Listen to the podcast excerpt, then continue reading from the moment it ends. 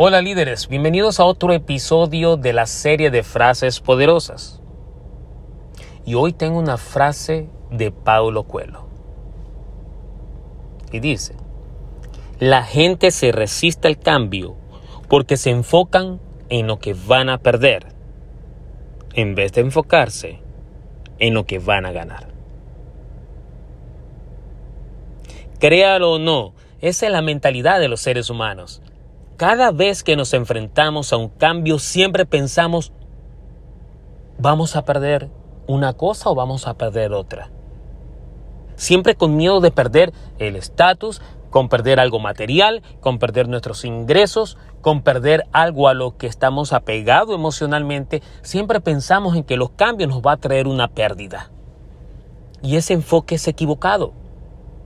Porque ponte a analizar cada cambio que has tenido en tu vida analízalo y te vas a dar cuenta de que con ese cambio que has enfrentado o has adoptado, has tenido más ganancias que pérdidas.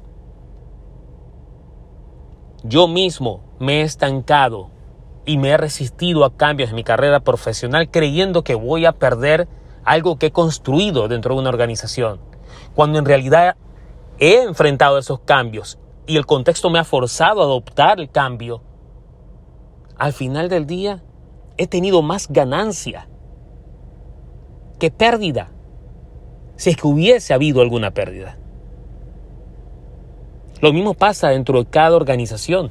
Hay organizaciones, empleados e incluso líderes que se resisten al cambio porque creen que van a perder su estatus, su estilo de vida, sus ingresos. Los cambios siempre traen ganancias, siempre traen ventajas. Así que líderes, los invito a partir de hoy de que se enfoquen en las ganancias que puede traer cada cambio en tu vida personal y profesional.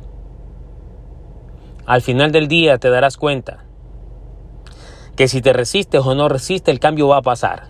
Te guste o no te guste, el cambio va a venir.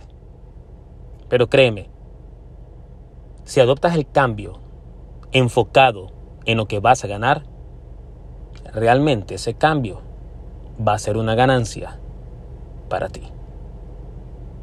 Hasta la próxima.